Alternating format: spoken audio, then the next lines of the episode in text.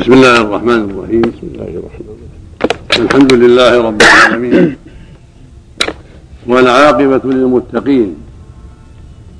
والصلاة والسلام على عبده ورسوله. وخيرته من خلقه. وأمينه على وحيه.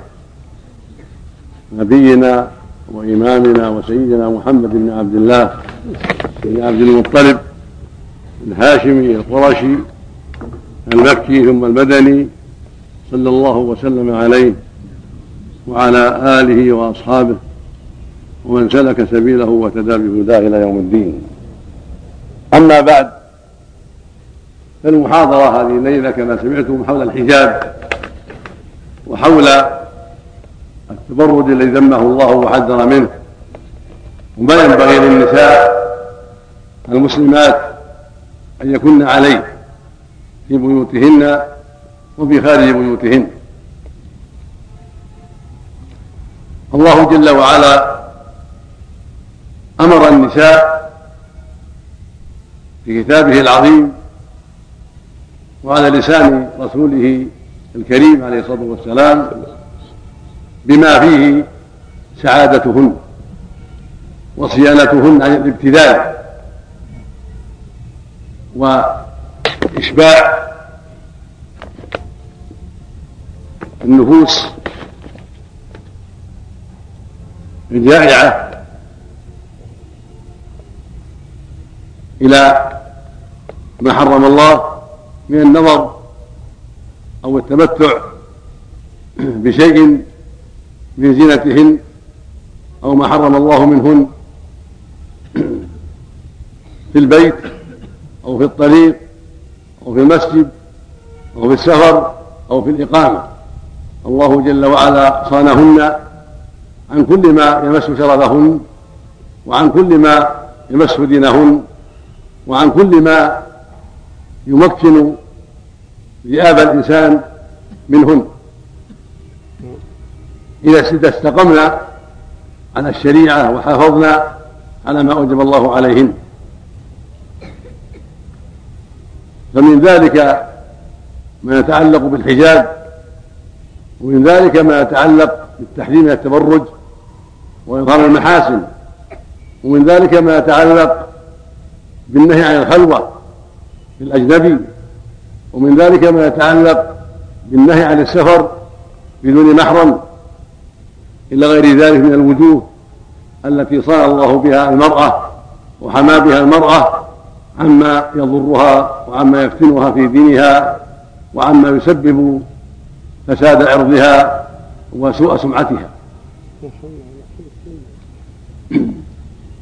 يقول الله جل وعلا في كتابه الكريم فيما سمعتم من الآيات يقول سبحانه وتعالى يا أيها النبي قل لأزواجك وبناتك ونساء المؤمنين يدنين عليهن من جلابيبهن ذلك أدنى أن يعرفن فلا يؤذين وكان الله غفورا رحيما. أمر الله النبي عليه الصلاة والسلام أن يقول لأزواجه وبناته ونساء المؤمنين يدنين عليهن من جلابيبهن. والجلباب هو ما تغطي به المرأة رأسها وبدنها من اللحف والأردية التي تلبسها فوق خمارها وفوق بدنها حفاظا على عورتها وعلى حجم أعضائها أن يفتن بها الأجنبي. كانت النساء بعدما جاء الله بالإسلام وحماهن الله بالإسلام يتجلبن يعني يلبسن الجلابيب التي تغطي الرؤوس والوجوه والصدور والنحور وسائر البدن حتى لا يخرج الشعر وحتى لا يبين ما حرم الله على الرجال الأجانب من النظر إليه من وجوه أو قلائد أو أقراط أو ما في الصدر من أشياء تدل عليه من القلائد وهكذا ما يكون في السيقان والأرجل من والخلاخيل وغير ذلك حتى تكون الفتنة بعيدة. وكان نساء الجاهلية لا يبالين بشيء من ذلك كان تبدي محاسنها وتبدي شعورها وتبدي أقراطها وتبدي قلائدها وتبدي كثيرا من محاسنها حتى يفتن بها الرجال. فنهى الله سبحانه وتعالى نساء المؤمنات عن ذلك. وأمرهن أن يتعاطين أسباب الحشمة ووسائل الحجاب عن الأجنبي في حال وجودها في البيت وفي حال وجودها في الطريق وفي حال وجودها في السفر وفي حال وجودها في المسجد وأينما كانت لأن الأمر مطلق. يدنين عليهن من جلابيبهن فلم يقيد مكانا دون مكان ولا زمانا دون زمان بل أطلق سبحانه وتعالى. فدل ذلك على أن هذا الجلباب تمر به المرأة أينما كانت حتى تغطي به محاسنها وحتى تغطي به أسباب الفتنة. فلا يجد مريد الفتنة سبيلا إلى أسبابها. والله سبحانه وتعالى جعل في قلوب الرجال من الميل إلى النساء ما هو معلوم. كما جعل في قلوب النساء من الميل للرجال ما هو معلوم. وهذا أمر جبلي طبعي جبل الله عليه الجميع وطبع عليه الجميع. فلهذا شرع سبحانه من الوقاية ما فيه سلامة الجميع وما فيه حسن العاقبة للجميع إذا التزم الرجال ذلك والتزم النساء ذلك. وإذا تعدى جميع الحدود وقعت المشكلة والكارثة. تعدى النساء الحدود فأبرزن ما حرم الله من الزينة وتعرضن لأسباب الفتنة. وكذلك الرجال إذا تعرضوا ذلك بعدم غض البصر وبتتبع عورات النساء والحرص على أن يروا منهن ما يسبب فتنة إذا وقع هذا من الرجال وهذا من النساء فلا تسأل عما يقع من الفتن قوة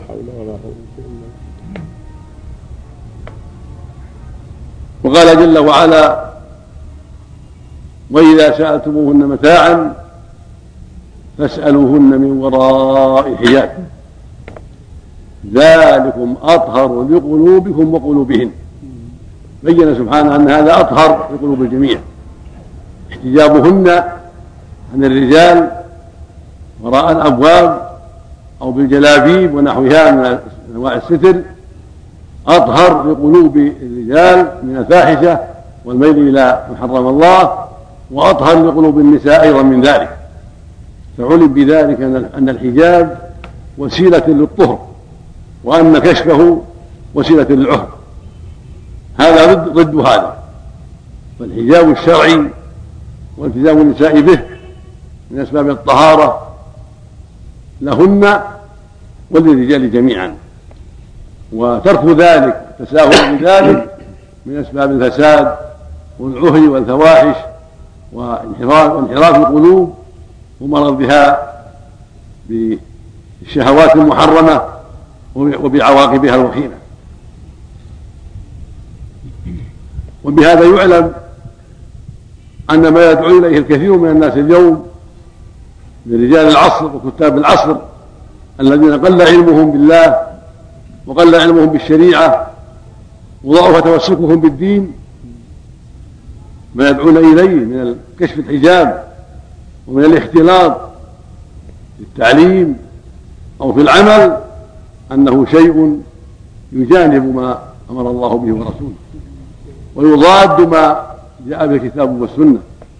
ويفضي إلى العواقب الوخيمة التي لا يرضاها ربنا عز وجل ولا يرضاها رسوله عليه الصلاة والسلام ولا يرضاها أصحاب الإيمان وأصحاب العفة وأصحاب النظر في العواقب وأصحاب الغيرة.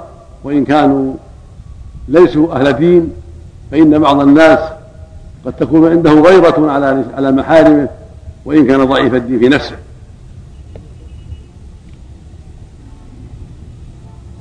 وقد توعد الله عز وجل من لم يحذر وسائل الفحشاء ومن لم يرتدع بما أمر الله به قد توعدهم الله بوعيد عظيم. فقال لا لم ينتهي المنافقون. والذين في قلوبهم مرض. مرض النفاق ومرض الشهوات. والمرجفون في المدينة. الذين يخوفون المسلمين ويقول لهم جاءكم العدو والعدو أكثر منكم وأقوى منكم وأنتم قلة وأنتم ضعفاء. توعد هؤلاء أنه يغري بهم رسولا يسلط عليهم رسولا عليه الصلاة والسلام. ثم لا يجاورك فيها في المدينة إلا قليل ثم قال ملعونين أينما ثقفوا أخذوا وقتلوا تقتيلا. هؤلاء الذين يتعرضون لأسباب الفاحشة من النساء. والذين يتعاطون ما ما يقربهم من الفحشاء وما يباعدهم من العفة للمرض الذي في قلوبهم والذين يرجفون بالمسلمين ويخيفونهم من أعدائهم ويقللون عددهم وقوتهم وما هم عليه من أسباب المنعة ويضخمون قوة العدو وأنه كيت وكيد حتى يحل في قلوب المؤمنين الرعب والخوف وحتى لا يثبتوا على الحق وحتى لا ينصاعوا لما شرع الله لهم من أسباب العفة والطهارة هؤلاء المرجفون وهؤلاء المنافقون وهؤلاء الذين في قلوبهم مرض هم متوعدون من الله عز وجل بتسليط رسوله عليه الصلاة والسلام وهكذا تسليط خلفاء الرسول من أمراء الخير ومن أئمة الإسلام ومن دعاة الهدى حتى يفتكوا بهم وحتى ينتقموا منهم وحتى يخرجوهم من البلاد ويبعدوهم منها إلى بلاد أخرى. ثم بين أنهم ملعونون مطرودون عن الرحمة متوعدون بسوء العاقبة أينما ثقفوا وأينما وجدوا. هذا يدل على أن التعرض للمسلمين في محارمهم ونسائهم وأن التعرض لهم في أمنهم وثقتهم بدينهم واستقامتهم وأن تخويفهم من الأعداء على سبيل الإرجاف وعلى سبيل التغليب من شأن المؤمنين والتغطيم من شأن عدوهم ليخافوهم وليمكنوا الأعداء مما يريدون أن هذا جريمة عظيمة وأن هذا منكر كبير وأن عاقبته وخيمة وأن أهله يستحقون من الله هذا الوعيد ومن رسوله عليه الصلاة والسلام ومن أولياء الرسول وخلفائه ما ذكر الله عز وجل.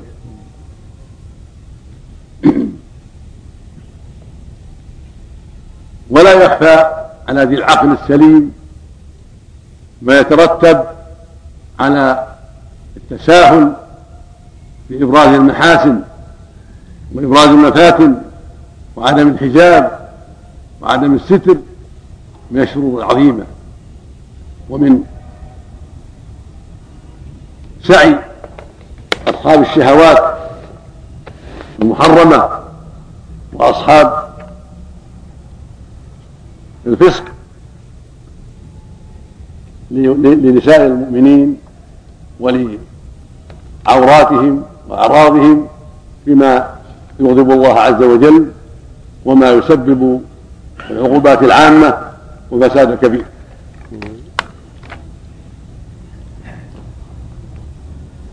ولهذا قال عز وجل في آية أخرى وقرن في بيوتكن ولا تبرجن تبرج الجاهلية الأولى وأقمنا الصلاة وآتينا الزكاة وأطعنا الله ورسوله.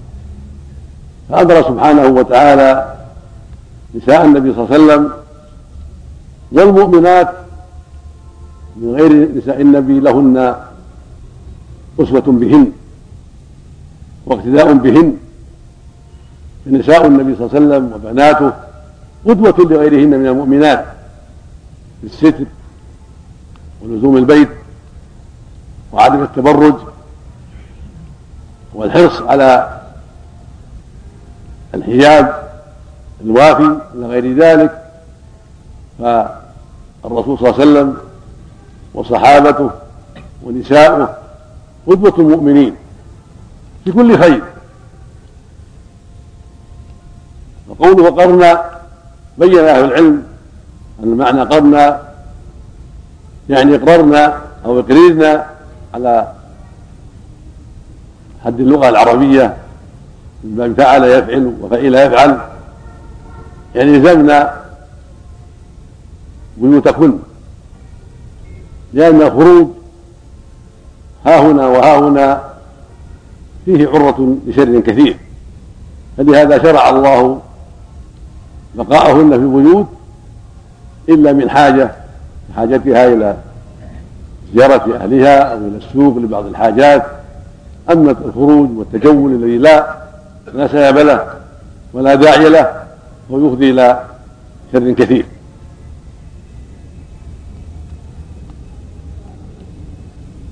وقيل إن قرن أصله قرنا بالكسر وأنه من الوقار وأن المعنى إلزام الوقار والحشمة وعدم التبذل وعدم التبرج الذي هو إظهار الزينة وإظهار المحاسن أو هو التبختر والتكسر في المشية والتغمد في الكلام حتى يفتن به الرجال. وكلا المعنيين صحيح. القرار في البيت له فوائده إلا إذا دعت الحاجة إلى الخروج والوقار والاحتشام له فوائده أيضا. فالمرأة مأمورة بالاحتشام ولزوم الوقار والحشمة والبعد عن السفاسف والبعد عن الفحش والتبحش والبعد عن خلاف الوقار بالتبذل وعدم التستر وعدم الاحتشام وكذلك البقاء في البيت والقرار به إذا لم تدعو الحاجة إلى الخروج. كل هذا خير لها وأفضل لها وأسلم لها. ثم قال ولا تبرجن تبرج الجاهلية الأولى. التبرج ضد الحجاب الساتر وضد الحجاب الذي يلزم الوقار والحشمة فالمتبرجات هن المظهرات للمحاسن والمفاتن من الصدر والشعور والوجه والأذنين وما فيهما من أقراط والحلق وما فيه من قلائد والمظهرات الساقين وما فيهما من حلية إلى غير ذلك. فالتبرج هو إظهار الشيء وإبرازه كالبروج التي تبرز في البلاد وتظهر. فالمرأة المتبرجة هي التي تبرز محاسنها حتى تلفت الأنظار وحتى تجلب إليها سفهاء الأحلام وأصحاب المرض مرض الشهوات ومرض النفاق. لإظهارهن ما ينبغي ستره. وقد أجمع العلماء رحمة الله عليهم على وجوب ستر الشعور والأعناق والأقراط والسيقان لما فيه إظهار هذه الأشياء من الفتن والشرور. واختلفوا في الوجه والكفين. فقال قوم لا بأس بإظهارهما إذا لم يكن هناك فتنة ولا جمال يدعو إلى الفتنة. واحتجوا بقوله جل وعلا ولا يبدين زينتهن إلا ما ظهر منها. يروى عن ابن عباس وجماعة في تفسير قوله لما ظهر منها الوجه والكفين. قالوا هذا يدل على جواز إبرازهما إذا لم يكن هناك ما يفتن من جمال أو اكتحال وزينة في الوجه بل على طبيعته. وقال آخر من أهل العلم إن معنى إلا ما ظهر منها يعني ما ظهر من الملابس العادية فليس عليها أن تمنع ذلك بالخلقان والمرقعات ونحو ذلك. فظهور ملابسها هذا أمر معفو عنه لأنه لا بد من ذلك وهذا هو المعروف عن الصحابي الجليل عبد الله بن مسعود رضي الله عنه وجماعة من أهل العلم. وقالوا الوجه من أعظم الزينة ووجب أن يستر. وهكذا الكفان والقدمان هذه أمور تفتن ووجب أن تستر. وهذا القول أظهر في القولين وأرجح القولين. وقال شيخ الإسلام ابن تيمية رحمة الله عليه إنما قاله بعض أهل العلم من أن ما ظهر منه هو الوجه والكفان إنما هذا كان في العهد الأول في أول الإسلام قبل نزول آية الحجاب. كانت المرأة يباح لها أن تجلس مع الرجال بوجهها كفيها ثم أنزل الله آية الحجاب ومنع ذلك. واستقرت الشريعة على منع كشف الوجه والكفين بعد نزول آية الحجاب. وأن هذا ليس محل خلاف بل هو محل وفاق. وبهذا يعلم بهذا القول يعلم أن القول بأن الوجه والكفان ليس بعورة وأنه لا بأس بكشفهما قول ضعيف أو منسوخ لا أساس له بل كان على الحال الأولى ثم نسخ بنزول آيات الحجاب. فهو بكل حال إما ضعيف وإما منسوخ. والصواب أن الوجه أعظم الزينة فيجب ستره. ويلحق به الكفان والقدمان فإنهما عورة. فالمرأة تستر ذلك حتى لا تبرز من أعضائها ما يكون فتنة لغير محارمها.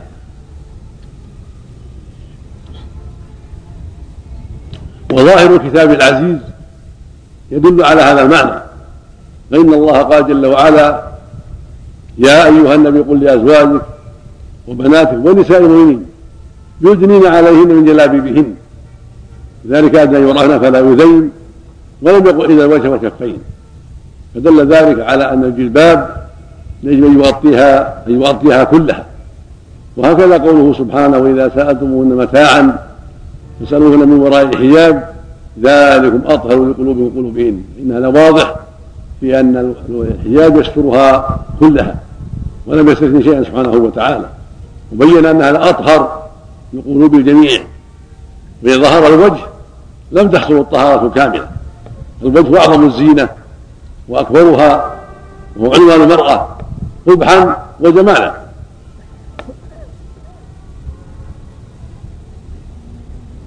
وهكذا قوله سبحانه ولا يبدين زينتهن لا لبعولتهن أو آبائهن أو اباء بعولتهن يدل على أن الوجه والكفان على الوجه والكفين يجب سترهما لأن الزينة التي تبدى للبعل والاب والاخ وابن الاخ ونحو ذلك هي الوجه والكفان وما يلتحق بهما كالقدمين والشعر.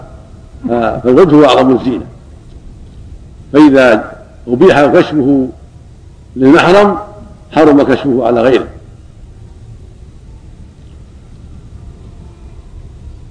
أما الحديث الذي رواه أبو داود عن عائشة رضي الله تعالى عنها أن أسماء بنت أبي بكر رضي الله تعالى عنهما ذكرت على النبي صلى الله عليه وسلم في بيت أختها عائشة وعليها ثياب الرقاق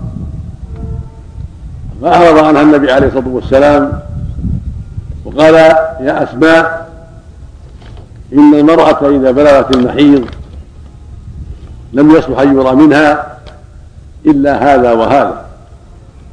وأشار إلى وجهه وكفيه عليه الصلاة والسلام.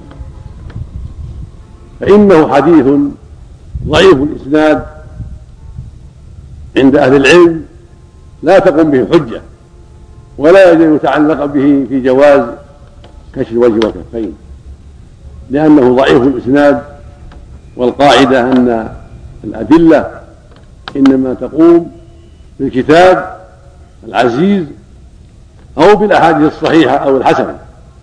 أما الأحاديث الضعيفة فلا تقم بحجة وهذا ضعيف من وجوه. منها أن راويه خالد بن بريك عن عائشة لم يسمع منها. هو منقطع. والمنقطع ضعيف لا يحتج به.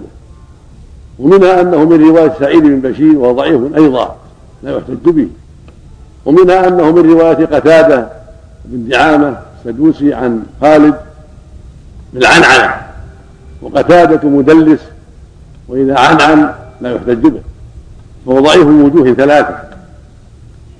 مع كونه أيضا شاذا مخالف للأحاديث الصحيحة ولظاهر القرآن الكريم فيكون هذا وجه يكون هذا وجها رابعا في إضعافه وعدم الالتفات إليه. فإن القاعدة أن الحديث لا بد أن يكون صحيح الإسناد متصل الإسناد ليس بمعلل ولا شاذ. وهذا ضعيف الإسناد منقطع الإسناد معلل بعلل ثلاث شاذ مخالف للأدلة القرآنية والأحاديث الصحيحة.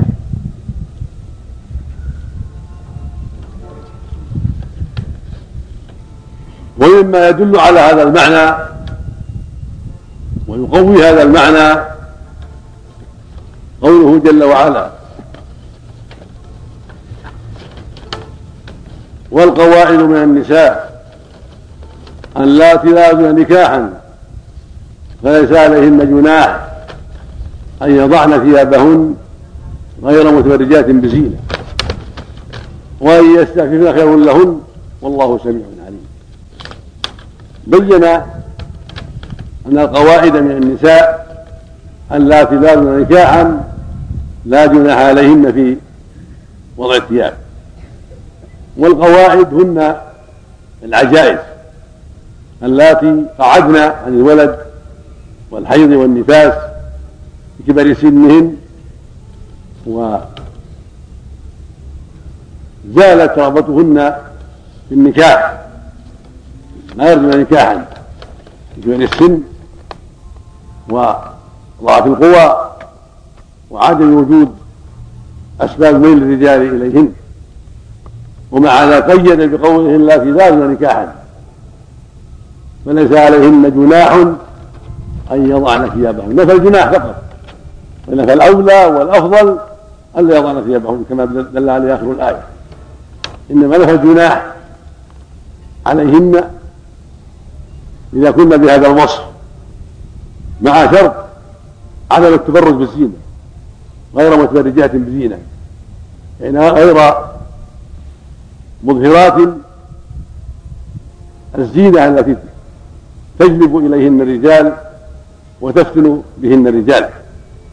وهن عجائب. فكيف إذا كن شابات مرغوبات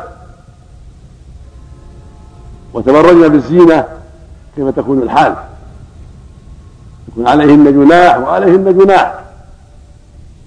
وإذا أظهرن الوجه والأيدي والأرجل فماذا بقي من الزينة؟ ثم قال بعده وأن يستعففن خير لهن. يعني مع كونهن قواعد ومع كونهن غير متبرجات بالزينة استعفافهن بعدم وضع وضع الثياب أولى وخير لهن. وهن بهذا الوصف. عجائز لا يرجون النكاح غير متبرجات بالزينة فدل على أنه إذا تبرجنا بلبس الثياب الجميلة أو إظهار محاسن الوجه أو كفين أن هذا محرم وأنه منكر. وإنما العفو عنهن إذا كنا غير متبرجات بزينة فلا بأس بوضع الثياب. قال كثير من العلم والأكثرون إن المراد بذلك وضع الجلباب الذي تلبسه فوق الخمار. الجلباب الذي تلتحف به والأردية التي تغطي حجم بدنها تضعه وتبقى في الدرع الواحد وفي الخمار لأنها قاعدة لأنها من القواعد لأنها عجوز فلا بأس عليها بذلك. فإذا كانت شابة فلا وإذا كانت تريد النكاح وتأذين للنكاح فلا وإن كانت عجوزة وإذا كانت متبرجة فلا وإن كانت عجوزة. والتبرج تقدم معناه وأنه إظهار المحاسن وإظهار المفاتن من الوجه المزين والحلق والقبض والقلادة وأشباه ذلك. وإظهار الشعر أكثر وأكبر فاتن وأكبر منكر في هذا السبيل.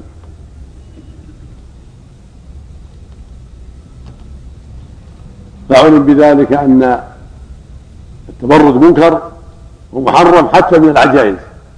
حتى العجوز ليس لها التبرج بالزينة لأن كل ساقطة لها لاقطة. فقد يراها من يميل إليها وإن كانت عجوزا لتبرجها وتجملها وتحسنها فكيف إذا كانت شابة وقوية وجميلة؟ فالأمر أشد وأعظم وأخطر.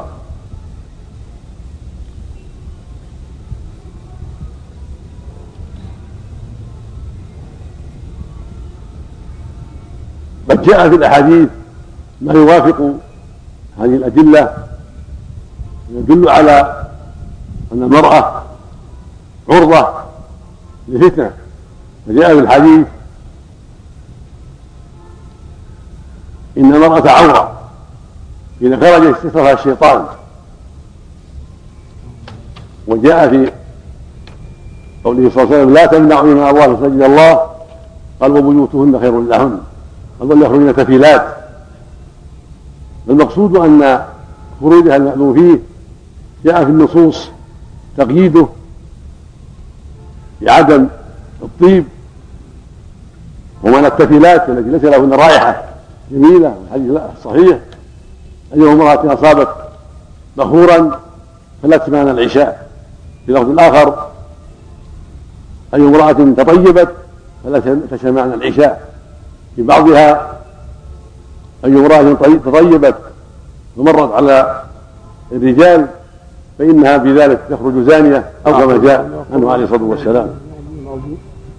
المقصود أن الأحاديث التي جاءت في خروج النساء كلها تدل على أن الواجب عليهن أن يكن بعيدات عن أسباب الفتنة.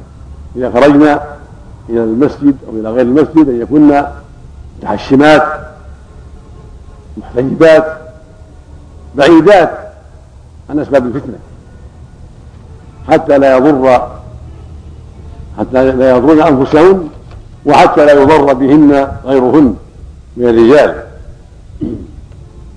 لما جبل عليه هؤلاء وهؤلاء من الميل من كل واحد للآخر والافتتان به فوجب الاحتشام والبعد عن أسباب الفتنة. ومما يؤيد هذا أيضا قوله عليه الصلاة والسلام لا يخلون رجل من امرأة فإن الشيطان ثالثهما. حذر من الخلوة لأن الشيطان يزين للرجل إذا خلا بمرأة أسباب الفتنة بها. والسعي في ذيل وطره منها.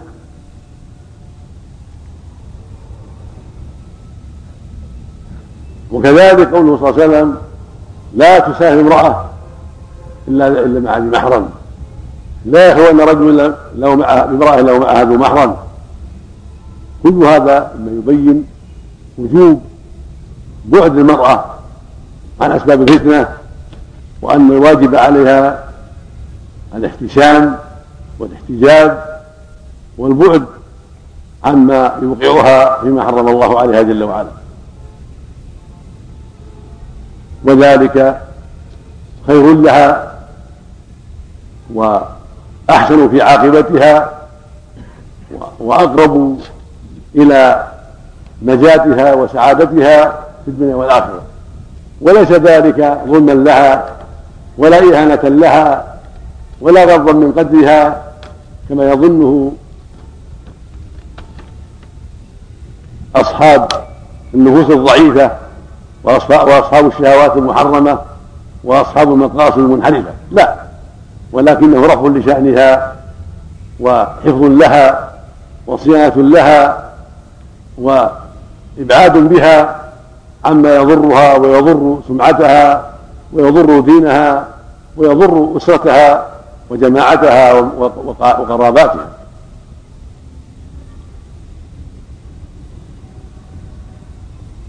والمبتذلة محتقرة تنبو عنها النفوس الشريفة وترغبها النفوس الضعيفة والمحتشمة البعيدة عن الفتنة محترمة. فروا إليها النفوس الذكية و